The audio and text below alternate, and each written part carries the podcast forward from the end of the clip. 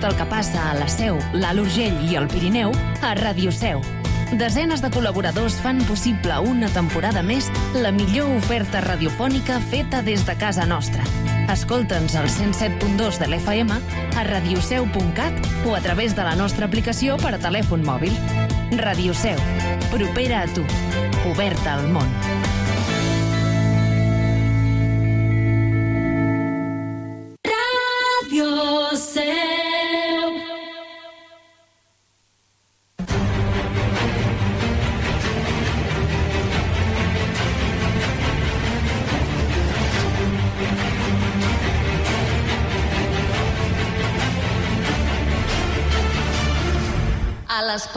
Troia, amb Alberto Reche, Sergio Rodríguez i Albert Abril.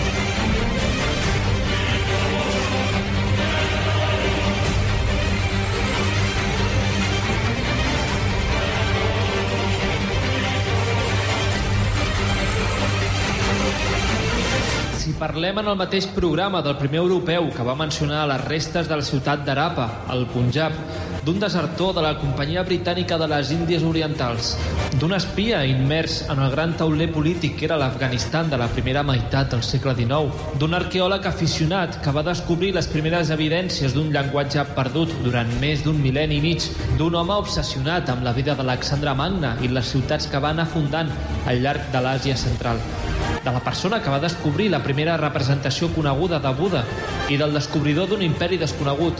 Difícilment ho acabaríem atribuint tot a la mateixa persona. I més difícilment encara, ens costaria creure que un personatge així, d'haver existit, no ens sonés absolutament de res. Doncs bé, aquest personatge existeix. En James Lewis, més conegut amb el pseudònim autoimposat de Charles Mason. I avui continuarem coneixent la seva història. Benvinguts a l'Afganistan. Benvinguts a les portes de Troia.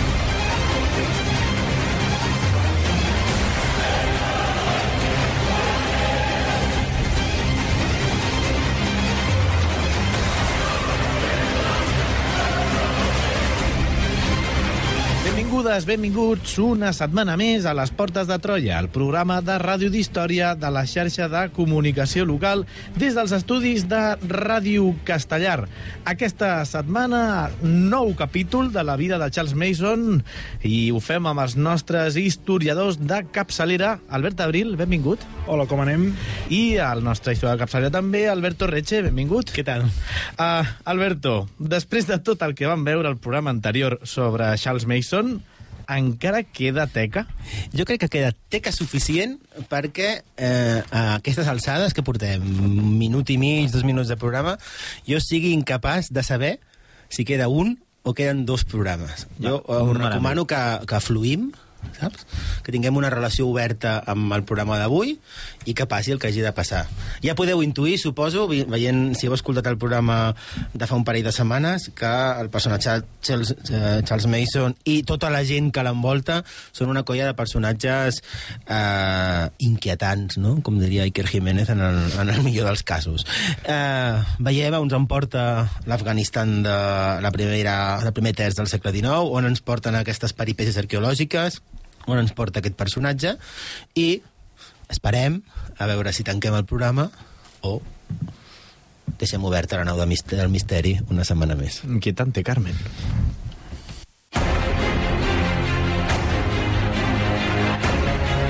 Segueix-nos a facebook.com barra Portes de Troia o a Twitter arroba Portes de Troia. Descarrega't el podcast des d'iBooks o iTunes.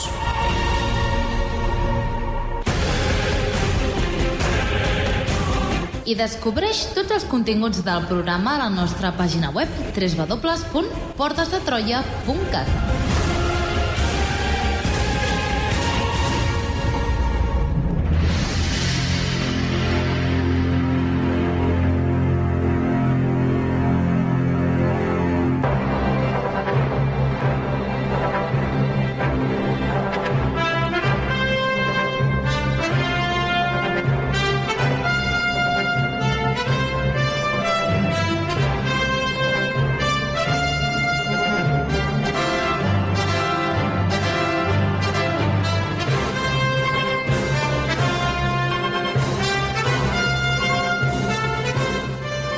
Comencem a les portes de Troia amb un segon episodi sobre Charles Mason i, uh, i les seves peripècies a l'Afganistan i, de nou, ens sona Indiana Jones.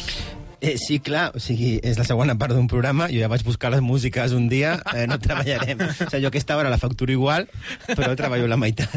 Doncs, I si ens serveix, doncs ja està. I eh, eh, Charles Mason estaria molt orgullós de mi, perquè ja sabeu que era un personatge una mica eh, peculiar, no? que vivia en un joc constant de fums, miralls, personalitats múltiples, eh, eh, històries inventades, i per tant, eh, el fet de no haver hagut de triar nova cançó, jo crec que a ell li hagués agradat. Ah, Exacte, va en la línia del que ell hagués esperat. Ah, comencem el programa, recapitulem una miqueta el que vam explicar fa, un- fa unes setmanes amb el primer capítol i exitós capítol, que la gent ha demanat doncs, una segona part d'aquesta vida eh, tan convulsa, tan... La gent va ser tu. No. No, no, no va ser Jo ja, per què? Jo estic aquí. Home, hi ha hagut, hi ha hagut um, vidilla a Twitter Vidilla, sobre el la tema. gent ha sí, sí. demanat i, i tu, per una vegada, has fet cas d'una forma ràpida en aquesta demanda i, per tant, anem a recordar no, aquelles Però, persones... però és que la gent, de fet, el que volia era un programa sobre, Sobre el senyor... sobre el senyor assassí en sèrie. Exacte. No sobre el senyor desconegut del segle XIX, però bueno. O sobre el yanqui aquell de la bandera. Clar, bueno, aquest és el... Charles Mason és el Charles Manson per dislèxics. Bueno, hem, de, hem de donar cobertura a tothom. No passa res. Molt bé, doncs recapitulem, aviam, de, de què va anar l'últim capítol sobre Charles Mason? Bueno, tenim un personatge, eh, James Lewis, que és un jove desertor de l'exèrcit a, a la Índia de, de la companyia britànica de les Índies Orientals, ho he dit bé? Mm, sí. Que, eh, fart no, d'aquest miratge fastigós en el que s'havia convertit les seves expectatives laborals, decideix fugar-se i desertar de l'exèrcit, cosa que no era una bona, gaire bona decisió perquè eh, fugar-se de l'exèrcit de la companyia implicava la pena de mort una pena de mort moltes vegades molt eh, colorida. Eh, per tant, aquest eh, James Lewis creua caminant bona part de la Índia, del desert que separa la Índia d'Afganistan, i eh, a mesura no, que es desprèn de, de uh, la humitat del seu cos i de la, sí. la roba que l'acompanya, es desprèn també de la seva personalitat i eh, aquell que emergeix de eh, eh, del desert és no ja James Lewis, sinó un nou personatge, Charles Mason, del que ningú sap res, però eh, que eh, genera sobre ell tota una nova història, es forja una nova vida, no? seria un entrepreneur eh, de l'època, Eh, I, per tant, aquest James Lewis desapareix, eh, apareix aquest Charles Mason, que de ser un fugitiu de la justícia, era pel roig. era una dada interessant aquella, que si t'has de canviar de vida i de personalitat, tio, t'anyesta o, o rabat el cabell, no? Perquè pel roig Afganistan eh, destaca potser una miqueta.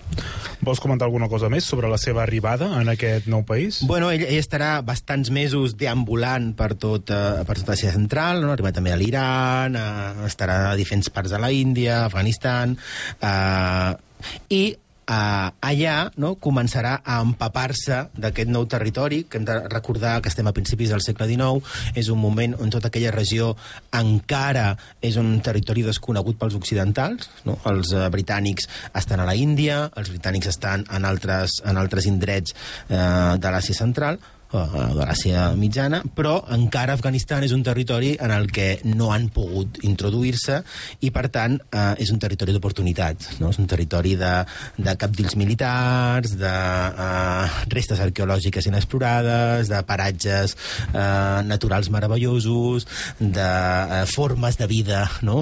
Impensables per un occidental eh, de l'època, i tot això fa que eh, Mason s'obsessioni amb Afganistan no? que sigui una, una mena seria com el... Uh, aquestes persones que arriben a Catalunya penso en el Maldor, us recorda el tio aquest de TV3 no, no recordo si és noruec o danès Ah, sí, el, sí. TV3 que és, un, que és un flipat de Catalunya Sí, sí, sí. no? doncs uh, uh, uh, Mason serà un flipat d'Afganistan eh, no, no, no, no, no hi havia la TV3 d'Afganistan no? no podia viure de la Corpo però uh, com a mínim uh, intentarà cada vegada més no? interessar-se pel passat del territori per, uh, per uh, les comunitats que hi viuen per la tradició i llavors uh, de nou aquest personatge uh, crearà sobre tu mateix no hi ha un misteri sinó un- una obsessió que és l'obsessió del passat de la terra que l'ha acollit I una de les obsessions que més tindrà Mason serà trobar una de les ciutats per, perdudes d'Alexandra. Què, sí. Poder, què necessitem saber d'aquest tema que, que, va, que va preocupar Mason? Clar, si tu ets un occidental que t'obsessiones en Afganistan, sí o sí topes amb el mite d'Alexandre Magne, d'Alexandre el Gran, no? aquest conqueridor, aquest eh, conqueridor de Macedònia que conquereix no? eh, bona part, o tot el Mediterrani Oriental, el Pròxim Orient, l'Àsia Central, i que eh, se'ns diu que va arribar amb els seus exèrcits no? gairebé a tocar la, la cordillera, la cordillera de, de l'Himalaya. Eh, Alexandre va fundar desenes de ciutats amb el seu nom, no? a mesura que anava conquerint territoris i els seus exèrcits anaven avançant, però d'aquestes eh, Alexandries en queden molt poques. Queda l'Alexandria d'Egipte i poques més. I, per tant, eh, el misteri no? del recorregut que havia fet Alexandre el Gran, de les ciutats que havia fundat, què havia passat no? amb els soldats que l'havien acompanyat, amb els exèrcits que havia comanat, amb els territoris que havia conquerit, eh, era un misteri fascinant. No? I entroncava molt amb aquesta idea del colonialisme, era una mena de protocolonialisme britànic, no? Els britànics no estaven fent res més que emular el que Alexandre el Gran havia fet eh, 2.000, 2.100 anys abans. Per tant, eh, eh, Mason que descobreix, no? que una, o que recorda eh, que una de les ciutats, la última ciutat que va eh, fundar Alexandre Magne era l'Alexandria del Caucas, no, no del Caucas que coneixem, que coneixem no? a l'Hinducus també se li deia Caucas, eh, havia fundat l'Alexandria del Caucas, una ciutat desapareguda, del que no se sabia res, però que havia estat la ciutat més oriental de les Alexandries que havia fundat Alexandre. I, per tant, eh, ell va autoimposar-se la missió de descobrir no? aquesta gran ciutat de l'antiguitat i eh, forjar-se una gran fama com a arqueòleg eh, afeccionat. I finalment, després de mil peripècies i personatges estrambòtics per aquest camí, havíem deixat a Charles Mason a punt de fer un descobriment importantíssim a, a, a Bagram. Sí, a la, regi- a la regió propera a l'actual ciutat de Bagram. Eh, ell havia sentit rumors de que se n'anaven trobant moltes monedes, molt, moltes petites troballes, segells, anells, eh, penjolls, petites troballes arqueològiques a aquesta regió, i llavors amb els seus amb els seus últims diners va viatjar per, eh, va aconseguir no, eh, que li deixessin anar a buscar informació per aquella zona. Eh, va ser molt decebedor perquè allà, allà on preguntava i allà on anava eh, no trobava absolutament res, ningú li deia, tothom li deia que, que s'ho estava inventant, que no, no s'havien trobat monedes, que en aquesta regió mai s'havia trobat res, eh, fins que en l'últim moment, en ja l'última persona que li va preguntar, eh, li va treure unes monedes, Uh, ell va decidir va, ell va fer una cosa molt, Heu d'anar al programa de, per molt escoltar sàvia, això, molt Alberto. sàvia que va ser, que va ser pagar-li per la moneda i de cop i volta quan tots els paisans d'Afganistan d'aquella regió d'Afganistan van veure que uh, que l'occidental aquest no era un cabron que venia a robar les monedes sinó que venia a comprar-les i donava diners de cop i volta tota la gent a la que havia preguntat i no, no sabien res d'aquestes monedes van aparèixer amb sacs i sacs de monedes antigues i, i Mason va tornar carregat de monedes eh, eh, que no sabia què era, però que intuïa, o li feia intuir, que havia començat a trobar les seves primeres pistes que el portarien cap a aquesta ciutat d'Alexandre Magna. Eh, havíem deixat a Mason tornant a Kabul, content perquè havia trobat aquestes monedes antigues, no tan content perquè s'havia gastat tots els seus estalvis per trobar-les. Descobreix la teva història.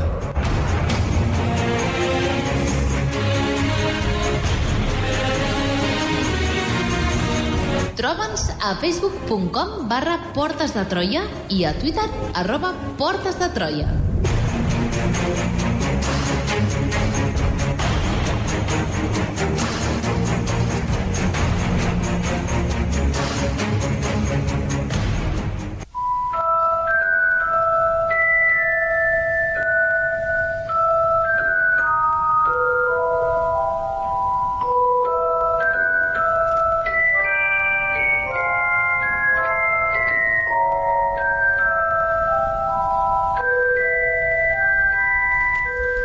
Doncs anem amb Harry Potter. No sé si, Alberto, aquesta vegada que has canviat la música. Sí, aquesta... Mira, com a mínim he treballat. Si no vols, no t'explico encara per què, i anem descobrint-ho junts de la maneta pas a pas. Serà bastant evident? Eh, jo crec que sí, jo crec que ja ens anem coneixent. Molt bé, doncs Mason ha tornat a Kabul després del seu viatge a Bagram, on ha descobert aquesta, aquests centenars de monedes antigues. Què passarà a partir d'ara amb ell? Doncs l'hem deixat tornant eufòric, no? evidentment eufòric, perquè ha comprovat de primera mà que totes aquelles històries que havia escoltat sobre Bagram havien resultat ser certes, i començaven a sortir-li a sorgir-li preguntes internes, no? Realment he trobat la mítica Alexandria del Caucas? No? Seré famós? Uh, faré potser un dels grans descobriments arqueològics de la història? O no? No? Mm -hmm. Encara era d'hora per afirmar-lo, però la cosa pintava bé, no? Havia tornat amb unes, uh, amb unes 80 monedes ben conservades, no? de coure, alguna de plata, alguna d'or... La cosa sabia que hi havia centenars o milers de monedes més a la regió que encara no havia pogut comprar, i per tant, Uh, la cosa pintava bé. Però ara bé, com acabem de recordar i com vam dir al final del programa anterior, no, en els 10 minuts del programa anterior, uh -huh. finals, uh, tornarà a Kabul havent-se gastat tots els seus diners. I això, d'entrada, és un problema. I com s'ho farà, doncs, per aconseguir els diners necessaris? Doncs aquí entra el primer d'uns quants personatges estrafalaris del programa d'avui, no? No sé si tant com aquell Josiah Harlan que vam veure fa un parell de setmanes, no? Aquella, aquell personatge confederat que anava no? amb un exèrcit de mercenaris, una bandera americana, un gos i un... Armes. I que, I que un dels seus descendents va ser protagonista de La noche de los muertos vivientes de George Romero. No sé si a l'alçada d'aquest, però això és una valoració molt personal que jo no, invito als nostres oients a que, a que facin el seu propi rànquing. No? Per presentar aquest nou personatge ens haurem de moure una mica, re, uns 1.200 quilòmetres eh, des de Kabul per arribar al regne de Kush, que és un regne situat a l'extrem, per qui no el conegui, eh, el regne de Kush, eh, situat a l'extrem més occidental de l'Índia, i allà trobarem un personatge ben curiós, no? el, el responsable resident de la companyia de les Índies Orientals a la regió, que eh, no és un altre que en Henry Pottinger. Ara s'entenen coses. Oh, Alberto, així que Henry Pottinger. Henry Pottinger. Ah, Pottinger. Pottinger. Henry Pottinger. Henry Pottinger. Harry po Pots dir-ho més ràpid. Harry Pottinger. Harry Pottinger. Harry Pottinger. Molt bé. Molt bé. Ja, No, ja sabem, no formaré part d'això. ja sabem lo de No, la cançó. l'Albert, l'Albert és que va de digne, l'Albert. L'Albert ens veu fer l'idiota i diu no, jo no. Jo no, jo En qualsevol cas, Henry Pottinger. Mm. Possiblement la marca blanca de Harry Potter, no? Si, si triéssim un, un Harry Potter de Hacendado, seria Henry Pottinger. Mm -hmm. no? Jo m'imagino jo, jo, jo sabeu que eh, acostumo a fer com... Deixar, jo deixo volar la imaginació i creo realitats paral·leles. I en una realitat paral·lela hi ha tota una sèrie de novel·les de Harry Potter mal, que és Henry Pottinger, no? que eh, algú eh, per evitar els drets d'autor, per sumar-se al carro de la fama de Harry Potter i evitar pagar drets d'autor, ha creat Henry Pottinger, no? un estudiant del segle XIX que, que, eh, que estudia en un internat privat, elitista, no? amb uniformes, i que té, té tota una sèrie d'aventures, i no? a Henry Pottinger li, li passen coses, i, i, i té personatges que s'assemblen als de Harry Potter. Per exemple, Calvus Dumbledore, que és, que és el director de l'escola, però és, però és un senyor entranyable, però li passa allò de... de saps aquells calvos que, que tenen barba però són calbs? Sí, n'hi ha Pues, molts eh, ara. Calvus, Calvus, Calvus Dumbledore seria un d'aquests. I, eh, I té, té, per exemple, és un col·le privat, però obert a les noves metodologies pedagògiques, O i no. llavors, i llavors hi, ha, O no. hi ha un profe com molt fan dels projectes, de, la, de les teràpies holístiques, eh, de, de les flors de Bach, de l'aprenentatge emocional i tal, que, que en comptes de dir- de dir-se Severus Snape, es diu Colegus Snape, saps? I abraça els alumnes, i, i saps? I, i bueno... Eh, invito a tothom que faci el seu propi eh, univers de Henry Pottinger. Perfecte. I si voleu, fem un crowdfunding i, i fem una sèrie de novel·les de, de Henry Pottinger, l'estudiant decimonònic de col·legi privat. Eh, jo crec que podria tenir futur. Podria tenir futur, Podria eh? tenir I molt una, demanda. I una demanda judicial o dos, també. Molt bé, sí, com sigui, Alberto, el Henry Pottinger... Real. El real. El real. Era un paio... Doncs... Sí, era, era un paio que no, que no es quedava massa enrere de la imatge que ens hem fet de, de, de Henry Pottinger uh -huh. i real, no? Penseu, un, un paio, un, un oficinista de la companyia de les illes... Eh, De les Índies. De les Índies orientals, destinat al vell mig del no-res, vale? el, el puto regne de, de Kuch, que és l'extrem més occidental de l'Índia, àrid, on no hi ha res, on la calor és enganxifosa, una mica com Vilanova a l'estiu. Saps? Aquella humitat. Eh, i que és la darrera persona que voldries en un càrrec diplomàtic. Era un paio irascible, rancuniós, sempre a punt d'esclatar en un atac d'ira, eh, que eh, coneixia algú i als 5 minuts eh, declarava que era el seu enemic etern. Una mica no? Josep Borrell, Hòstia, no? jo soc Borrell. Podria ser... Josep Borrell, pot ser que Josep Borrell sigui, eh, sigui el, el, el que no pot ser nombrat? Perquè aquest es crema moltíssim, eh? Però rapidíssimament, o sigui... I es pixa a sobre, perquè ja té una edat. no ho he vist. Bueno, que, que busqueu-lo busqueu a YouTube, jo no dic res. En qualsevol... veure, Què, què, què hem de buscar? Deixem-ho no? Busca el que vulguis, però en mode incògnit. D'acord. Deixem En qualsevol cas, Henry Pottinger era un personatge insuportable.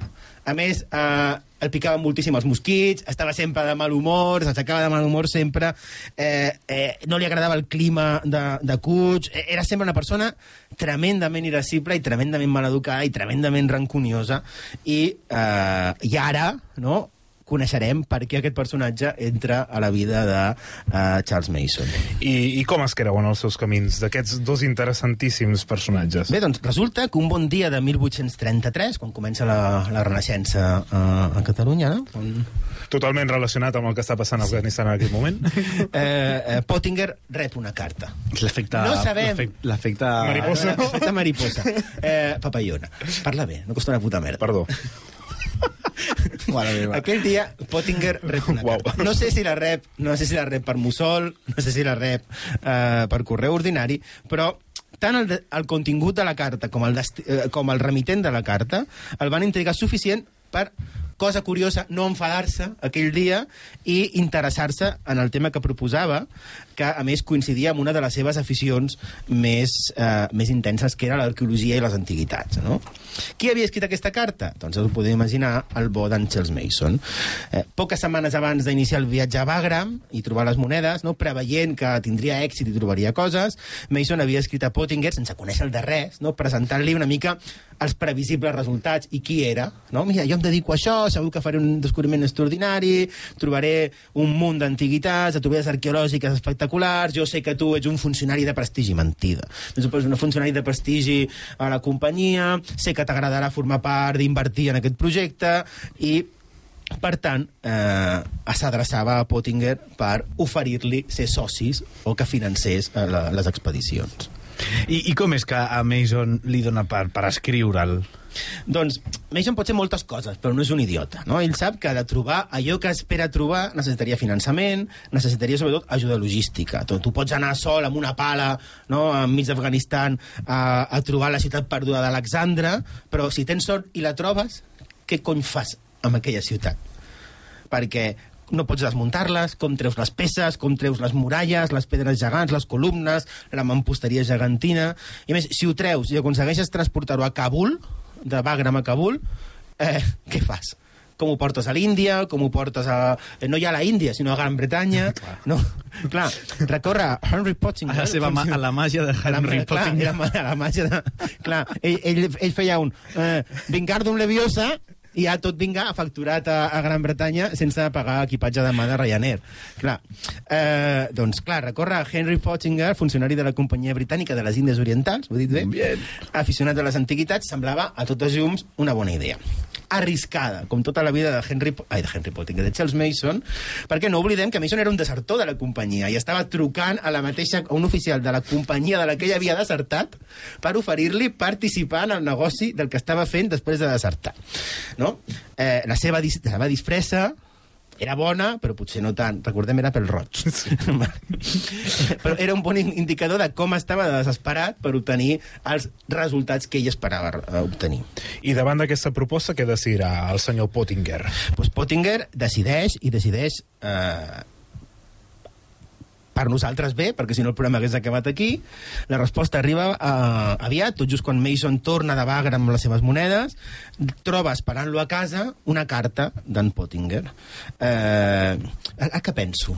És que, eh, com, com, com titularíem els llibres de Henry Pottinger? O sigui, perquè em molaria també fer, fer eh, para, o sigui, imitar els llibres originals. Henry Pottinger i la pedra alexandrina? Harry Potter i la pedra renal. Tot mal, no? Henry Potter i la ordre d'allunyament. aquesta... Henry, Henry Potter i, i el príncep gitano, no? Uh, Henry Potter... No, ajudeu-me, ajudeu-me. No sé, Ja t'he dit una. Henry, Henry Potter i la càmera de gas. jo estic gaudint de veure tan, tan, tan Llavors, feliç. és que, Sí, sí, és sí. que, no sé, ara mm, funcionava el cap per vies que no tocava, però, però jo repeteixo, hi ha futur. O sigui, potser amb la divulgació històrica no ens farem rics, però Henry Pottinger i la Henry càmera de gas, reconeixeu que com a mínim, Pot tenir futur. si el traduïm a l'alemany, com a mínim, en qualsevol cas, eh, Pottinger decideix ajudar i quan Mason torna a Kabul troba no només una carta on el saluda afectuosament, cosa raríssima per qualsevol persona que coneixia Pottinger, sinó que li envia diners per tal que continuï la recerca. Molt bé. Uh, I Henry Pottinger serà l'únic personatge a la vida de Charles Mason o hem d'esperar en aquest programa alguns quants personatges estrafalaris més que apareixeran? doncs, si he entès el que m'has bé el que m'has volgut dir, crec que encara hi ha més personatges i de més nivell que el bo de Henry Pottinger. Us, us poso dos sobre la taula i decidiu quin dels tres us agrada més. Si Henry Pottinger, si Johann Martin Honingberger, Johann Martin Honingberger, aquest, aquest m'encanta, no té desperdici el paio, és un casatresors transilvà que es dedica a anar per Afganistan i la Índia demolint tota possible resta arqueològica amb explosius per tal de rebentar-los, trobar eh, les peces d'or o de joies que hi havia i quedar-se-les. Eh, a més, era conegut per ser addicte a parlar amb cites de Ciceró. Ell para, parlava amb cites de Ciceró. És com aquesta gent que parla amb frases de Los Simpson, però amb Ciceró. No, no amb Hòstia. Homer, no amb Homer, sí, no amb Ciceró. Practicava la homeopatia, era un dels primers practica, defensors de la homeopatia al segle XIX, i a més tenia l'honor que a mi m'ha encantat, d'haver creat el còctel favorit de eh, Ranjit Singh, que és el primer Maharajà eh, de l'imperi Singh, que era un còctel, un destil·lat amb, amb pólvora, licor i no sé què, que era tan fort que eh, Ranjit Singh l'oferia a tots els viatgers anglesos que arribaven al seu regne per emborratxar-los i que li expliquessin secrets d'estat. Vale? Pues aquest personatge, aquest Johann Martin Honingberger, és un altre dels personatges que posem sobre la taula ara mateix i que convivia amb Mason a Kabul. Per aquells dies, a més, Mason es creua amb Karamat Ali, que era eh, l'antic espia oficial de la companyia de les Índies a Kabul, que havia caigut en desgràcia, però que encara eh, eh, gestionava els baixos fons de Kabul no? i era, funcionava com d'espia a dos bandes. Eh, just en aquest moment la seva identitat d'espia s'havia destapat eh, i treballava com de mini ambaixador per un reietó de l'Índia i estava també molt intrigat eh, per la figura de Mason que fins i tot es va presar, presentar a casa seva a conèixer-lo. No? Qui és aquest occidental que està per aquí remenant eh, restes arqueològiques, que diu que vol trobar la ciutat d'Alexandre eh, el Gran, i es van fer, com no, amics a l'instant. Um, ja sabem que Mason té un imant curiós per als personatges raros, uh, però no és bastant perillós començar-se a rodejar de funcionaris de la companyia o d'espies? Bueno, per ara no, perquè tu t'has canviat el nom, la disfressa ja és eh, totalment sòlida a prova de bombes. Menys el, el, el cabell. Bueno, sí. Eh, eh, això sí, Karamat Ali serà un bon aliat de Mason, no? Eh, Era un, un bon vivant. Aquest, eh, aquest Karamat Ali era un tio que li agradava viure molt bé i una de les coses que no li agradava gens en absolut era el ramadà. Clar, i, i si tu ets musulmà, no t'agrada el ramadà i estàs enmig de Kabul, no, no et queda més remei que fer-te amic de l'únic occidental que viu a Kabul. I per tant eh, sempre eh, cada ramadan eh, se'l passava visitant el seu amic occidental a casa seva, tancant la porta i dedicar-se a menjar tot el dia convidat per, per Charles Mason. Llavors, amb l'excusa de visitar-lo, podia incomplir el, el dejuni del ramadà sense que ningú a la ciutat s'assabentés i eh, a base de, de menjars, converses eh, eh, i tal, es van fer amics. Tan amics que, durant molt de temps, eh, Karamat Ali va informar a la companyia de tots els possibles personatges estranys eh, que vivien a Kabul, excepte de Charles Mason, que era el tio que li permetria menjar els dies de, de Ramadan. Molt bé, doncs tornem ara a les monedes que... Qui us, agrada, qui us agrada més? No ho heu dit. Jo és que sóc molt d'en Pottinger. Perquè sóc incapaç de separar-lo de, de tota Del personatge l'èpica. que he creat, sí, oi? exacte. Ha tingut, ha tingut més, més rerefons, eh, Pottinger? Sí, sí. Ha tingut més... Si al llarg del programa crees personatges al voltant d'aquests dos, Vale. Podrem Però prendre el, el caçatresors transilvà No, A mi eh, no, que, homeo, que, homeopatia. que, que es dedica a la miopatia i fa còctels per emborratxar anglesos. Amb pólvora. Si els anglesos necessitessin ajuda per emborratxar-se, saps? Molt bé, doncs, eh, tornant a les monedes que Mason va trobar a, Gabra, a Bagram, què va descobrir sobre elles? Bé, com us podeu imaginar, aquestes monedes l'obsessionaven, no? Les inspeccionava una i altra vegada, s'aturava a contemplar els rostres que intuïa no? estampats a les monedes i desconeguts, qui serien aquests personatges, eh, d'on serien aquestes monedes, no? qui les hauria fet, no? serien aquests personatges amb corona, serien els reis de l'Alexandria del Caucas, no? havia trobat les efígies dels reis, dels successors d'Alexandre. Eh, a més, no només estava fascinat per això, sinó estava horroritzat per aquest eh, Johann Martin Honingberger, que s'estava dedicant a dinamitar, no? a fer explotar totes les trobades arqueològiques que ell trobava, no? I, i estava espantant de, com jo no trobi din diners aviat, vindrà aquest tio, fotrà tot en l'aire i ens quedarem sense res, no? Eh, a més, el Johann Martin aquest apareixia cada setmana a casa de, del Charles Mason per ensenyar-li les troballes que anava de cometes, rescatant de les explosions. Eh, eh, ell anava dinamitant, bueno, fent explotar tots els turons propers a Kabul, no? I, i li deia, mira quines coses tan xules he trobat, no tinc ni puta idea de què són, no m'interessa, però segur que em faig superric venent-les eh, en el mercat negre d'antiguitats. No? Tot això esgarrifava a Mason, que cada vegada sentia més urgència no? per posar llum a la foscor. I Honigberger coneixia les troballes de Mason a Bagram? Evidentment no. Mason, que és moltes coses, però no és idiota, va guardar-se molt de compartir qualsevol informació del que estava trobant. No? Cada cop que podia, viatjava a la regió, s'escapava, recollia tot allò que trobava, tot allò que li venien als camperols...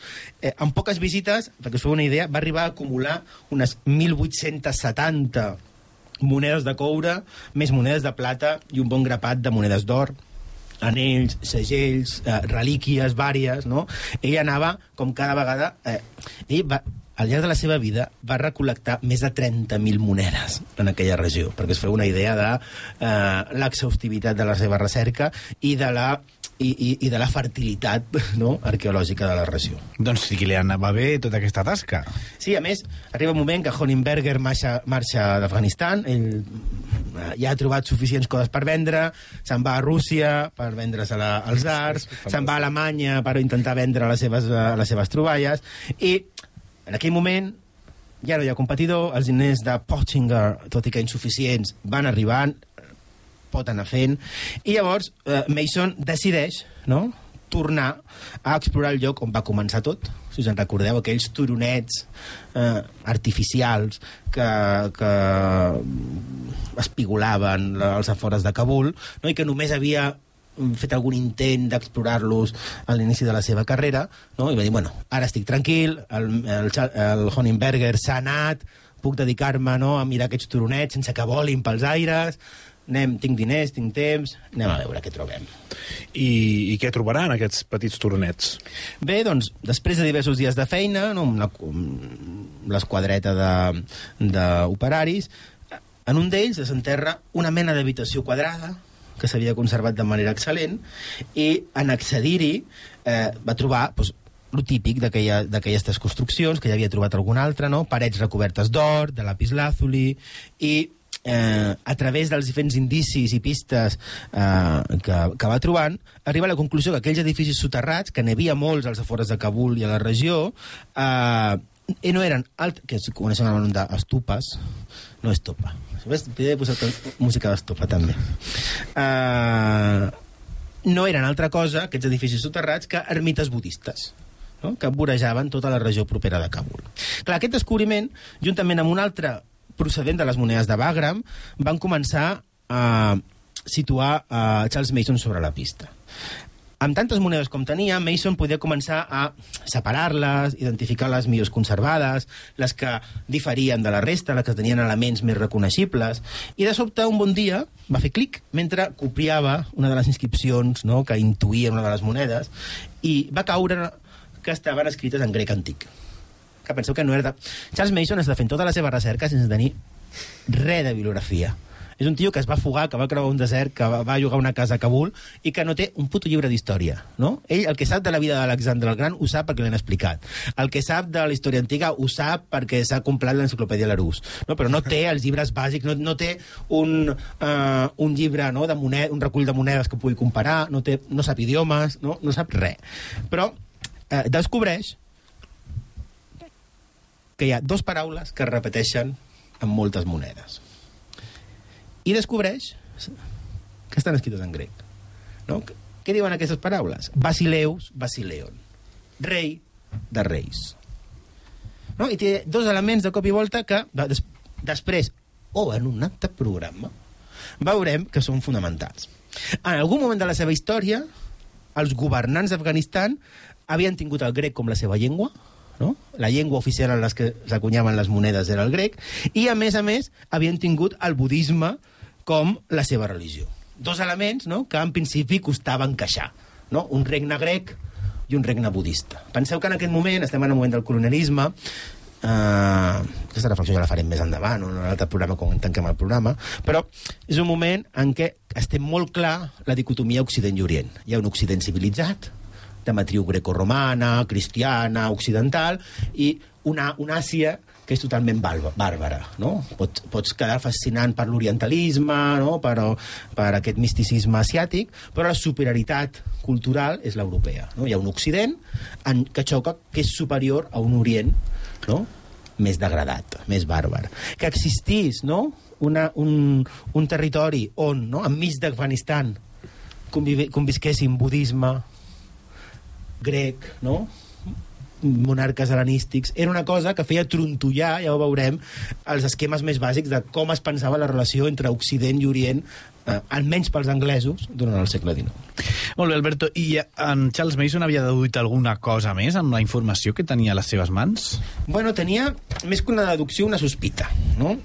I la sospita era que no es trobava davant de la pista d'un petit assentament o d'una petita ciutat, no? Si tenim en compte que ja on preguntava de la regió propera a Bagram trobava grapats i grapats i grapats de monedes antigues, de restes arqueològiques, ell començava a vislumbrar que l'àrea d'influència de la ciutat que buscava tenia, havia estat immensa. Com a mínim d'uns 50 quilòmetres de la rodona no? del lloc on estigués aquesta ciutat, no? perquè en un, en un radi molt ampli s'anaven trobant no? monedes que, su que suposadament procedien d'aquest regne o d'aquesta capital hel·lenística.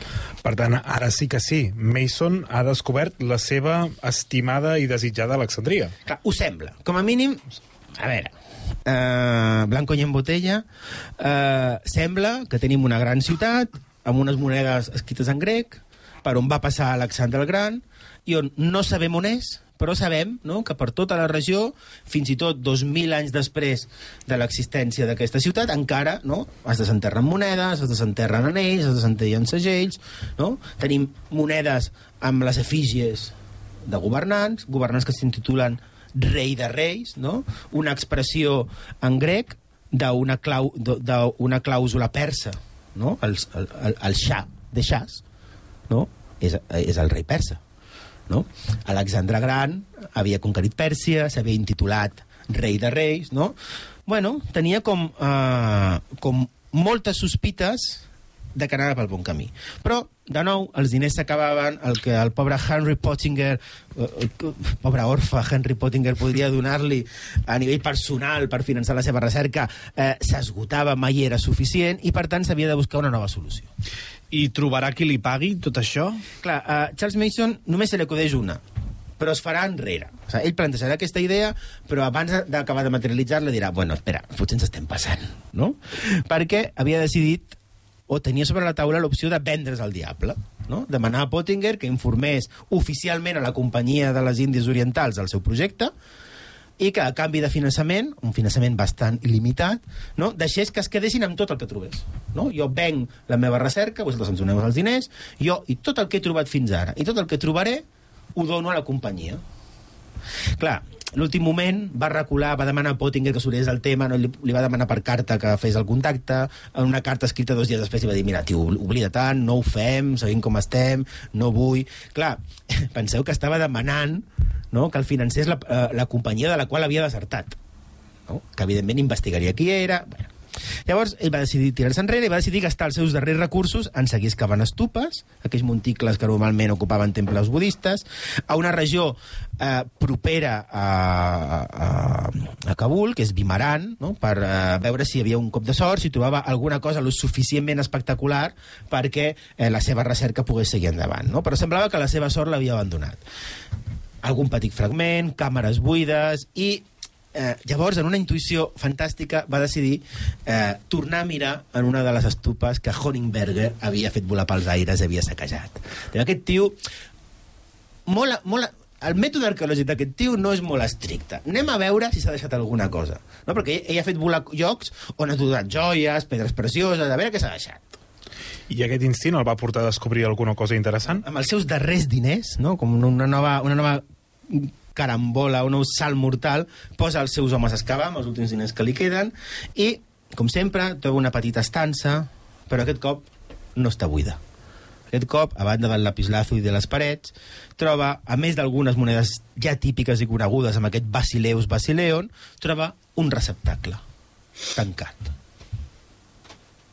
I en obrir-ho, bueno, i en mirar uh, aquest receptacle, descobreix que està ple de perles negres, comptes de safir, pedres precioses, i en el centre d'aquest receptacle un relicari, un petit relicari fet d'or pur.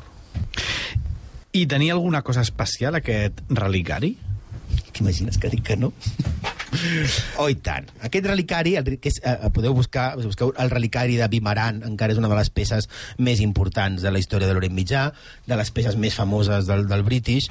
És un petit relicari, no?, d'or put, d'or batut, de 6 centímetres i mig, 6,7 eh, centímetres d'alt, i la làmina d'or que el forma, que forma aquest relicari, té vuit figuretes talla, eh, no? batudes. Al centre, Buda un Buda vestit amb una túnica grega i amb un posat propi de l'escultura grega. Si heu fet, eh, sou, profes, sou profes, si heu fet història de l'art algun cop, eh, eh, l'escultura grega clàssica es parla del contraposto, no? és, aquest, és aquesta, aquest alçament de la, de la cadera que després es recupera el Renaixement, pose típica de les estàtues. Sabeu que les estàtues eh, gregues clàssiques sempre estan com molando, com tenen una cadera una mica més alta que l'altra. Eh, això és el contraposto. És una, és una tècnica de l'escultura grega. Doncs, Buda, vestit amb túnica, una túnica que recordarà les túniques gregues, està posant com posen les estàtues gregues, no? vorejat, a més, és inconfundiblement Buda, perquè estem en una estupa budista, i està vorejat de Brahma i Indra, no? que són dos, també, déus hinduistes. Però, a veure, de representacions de Buda n'hi ha moltíssimes. Sí, però aquesta, Charles Mason ho torna a fer, és la més antiga de totes. Encara avui, no? 200 anys pràcticament, 190 anys eh, després de Charles Mason, encara avui la, aquesta figura, aquesta escultureta, aquesta, aquest relleu de Buda eh, trobat a Vimaran, és encara avui la representació més antiga coneguda de Buda datada de finals del segle I abans de Crist, principis del segle I després de Crist, no? És la primera eh, representació gràfica de Buda, eh, a més, durant l'inici del budisme es prohibia la representació de Buda, eh, doncs la primera vegada que es representa Buda és a Afganistan i és disfressat o posant com una escultura grega.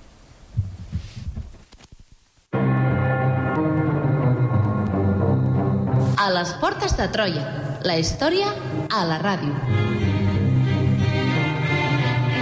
Descobreix tots els continguts del programa a www.portesdetroia.cat.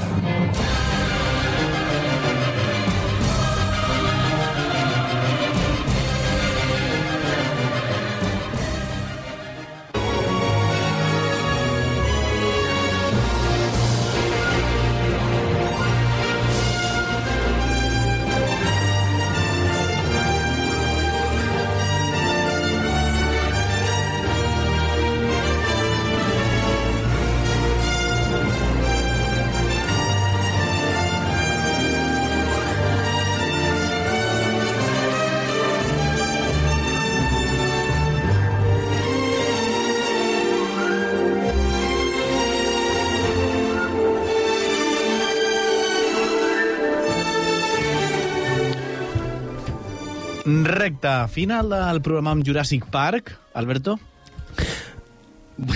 ha d'haver un motiu. Ha d'haver un Ha motiu. d'haver un Esperem motiu. que sí. Hòstia, vale. No, veurem, veurem. En algun moment Ah, l'explicaré. va, perfecte. Fluent. Doncs, uh, perfecte, hem deixat a Mason, començant a trobar peces... Amazing. Reis... Eh... He posat Eduard Ponset. com? Amazing. En... Això no sortirà bé avui. No Eh? sortirà bé. Bueno, el tenim començant a trobar peces, doncs, com hem explicat, realment excepcionals.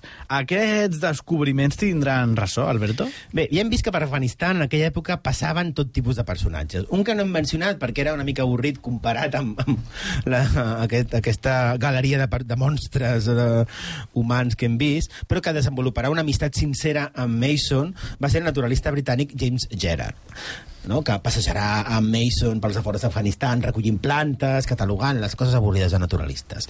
Però que en tornar a Londres comença a parlar dels descobriments que Mason estava fent a Afganistan. Tio, he conegut un tio superboig a Afganistan que viu allà, a Kabul, i que diu que trobarà la ciutat d'Alexandre el Gran i que té no sé quantes monedes i no sé què. Llavors ell, quan no torna, abans de tornar a Londres, però ell quan eh, passa també és membre de la Societat Asiàtica de Bengala, que és una associació situada a Calcuta, que és una mena de societat científica que els britànics tenien a Bengala, no? i per tant els eh, reenvia una carta que Mason li havia enviat a ell a Londres explicant els seus descobriments. Ell diu, va, fes-li una idea d'aquesta carta, fes-li una idea d'aquest pavo. No? Li va fer un retuit, però de, de l'època. I quan els membres de la Societat Asiàtica de Bengala eh, van rebre, eh, van llegir la carta on Mason parlava de les monedes, dels budes, de no sé què, van, van flipar. Literalment se'ns diu que van aplaudir, van llegir la carta en veu alta a la, a la sala de reunions i van aplaudir a la carta. No pareix una mica raro. Per tant, sembla que el nostre protagonista comença a tenir una miqueta de sort. Sí i no. Per una banda, eh, eh, eh, la situació comença a tenir reconeixement, però la situació política a Afganistan cada vegada és més inestable. No? I els, soroll, els sorolls de guerra, de tambors de guerra, cada vegada són més forts. A inicis de 1834, Shah Shuja, el rei exiliat d'Afganistan... Qui? No, no uno. Eh, no, no és donar la temps, sinó si ens parem en detalls. O sigui, jo no suporto... La, no suporto... No suporto... Suporto molt poques coses a la vida. Sí, ho sabem. Una de les que no suporto és la gent que dona voltes a les coses i que, inter i que interromp amb anècdotes que no tenen el cas, sempre quan no sigui jo. Quins caradures. per tant, el Shah... El, ja, aquest home, el rei exiliat d'Afganistan, comença a moure a Que ja, fitxa... ja està sec, no? Perquè s'ha Sí, xugat. s'ha xugat, s'ha xugat. I després sou jo, saps?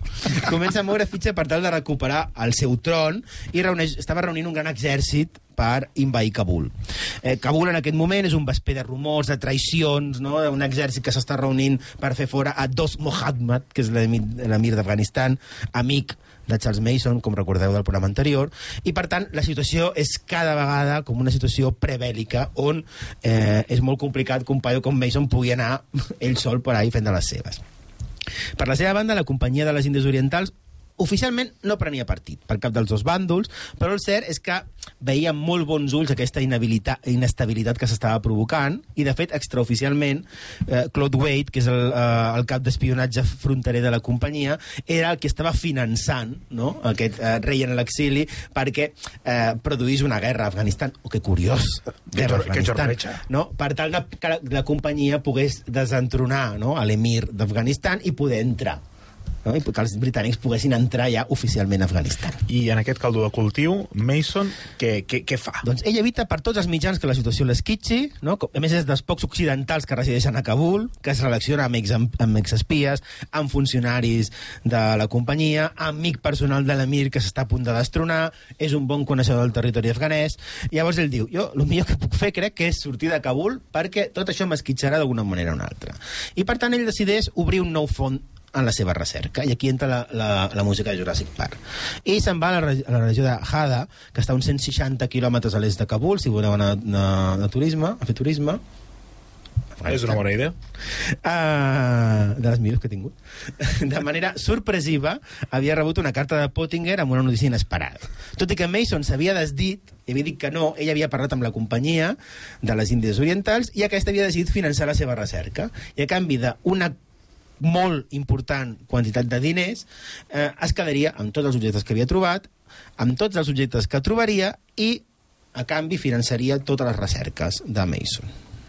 I aquesta regió de Hada que ens has esmentat, què, què tenia d'especial? Bueno, és, és eh, Per això sonava la música no, de quan eh, l'helicòpter no, amb els científics eh, eh, sobrevola la isla Nublar, no, on està el, el parc juràssic, no, aquell moment de música de descoberta inesperada, perquè era una sort de paradís budista. No? Per tot arreu es trobaven estupes, monestirs abandonats, capelles budistes, i allà on miressis i escarbessis una mica hi havia milers d'estàtues. I com més les miraves, més era evident la influència grega d'aquestes estàtues. No? Personatges com Vajrapani, que és un dels deixebles de Buda, apareixien representats com si fossin Hèrcules, amb els atributs d'Hèrcules, la pell de leó, la massa... No? Arreu hi havia àmfores gregues o detalls escultòrics que recordaven a les peces que es feien als tallers de l'Alexandria d'Egipte. No? I per tant, de cop i volta, era com el paradís un nou paradís per Mason. I va ser possible datar totes aquestes troballes de Hada? Doncs resulta que sí.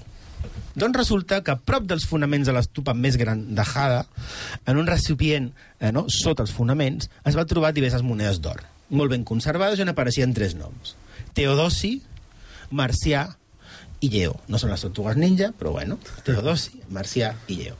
Com que Hop Pottinger no, tenia una bona biblioteca, i Mason no, va escri Mason escriu a Pottinger demanant-li ajuda. Mira, he trobat tres monedes d'un tal Teodosi, un tal Marcià i un tal Lleó. Pots mirar els llibres d'història si se sap qui són aquests personatges, en quin moment van regnar, perquè deuen ser reis. Després de diferents consultes, Pottinger envia una resposta. Eren tres emperadors bizantins del segle V, després de Cris. I aqu aquesta informació, eh, com, li va afectar al nostre protagonista?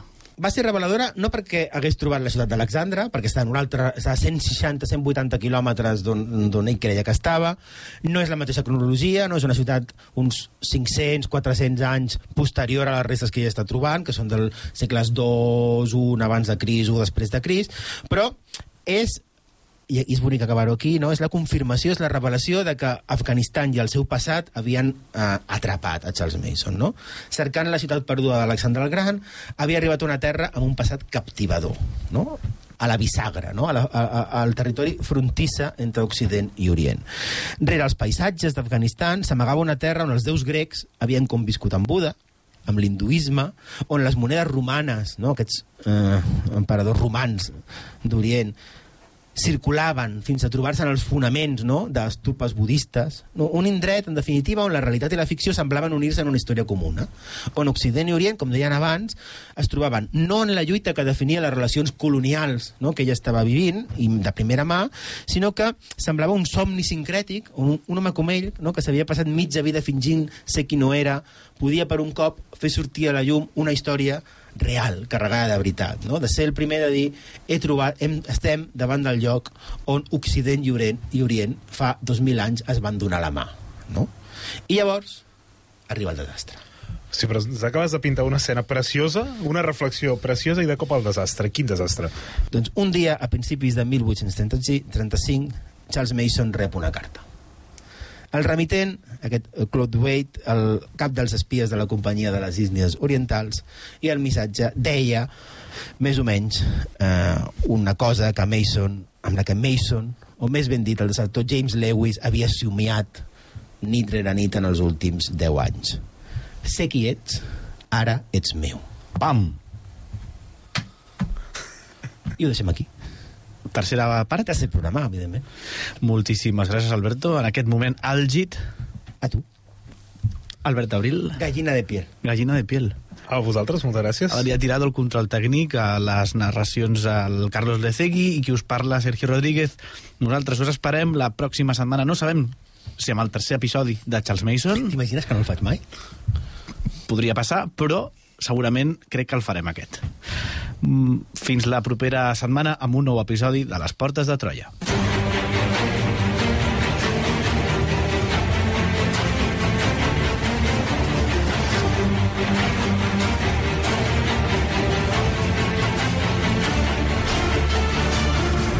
A les portes de Troia, amb Alberto Reche, Sergio Rodríguez i Albert Abril.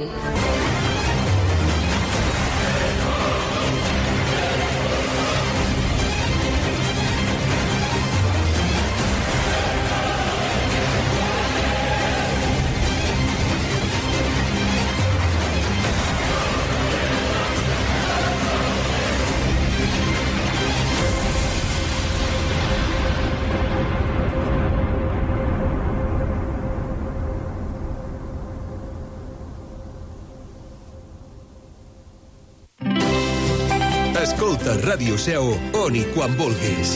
Entra a l'apartat de ràdio a la carta de la nostra pàgina web i tria allò que més t'interessa de la nostra programació. Els informatius, les entrevistes, els programes musicals, culturals i esportius, la programació especial... On i quan vulguis, Ràdio Seu. A la carta des de la nostra pàgina web radioseu.cat.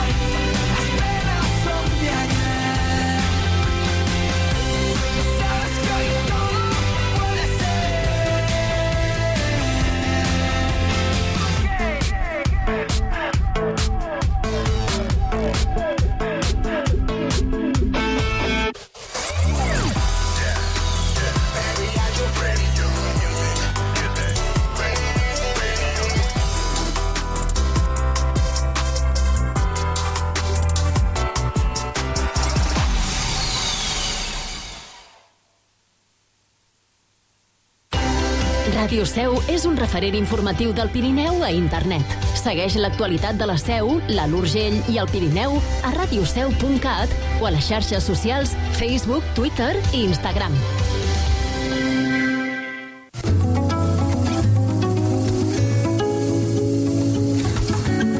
I fins aquí la programació pròpia de Ràdio Seu. Connectem amb Catalunya Ràdio.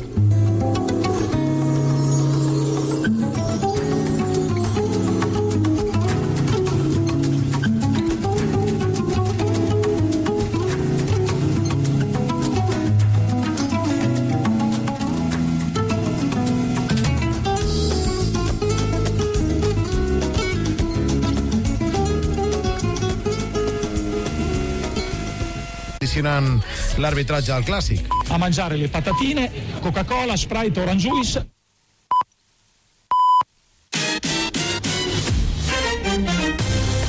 Catalunya Ràdio. Les notícies de les 9.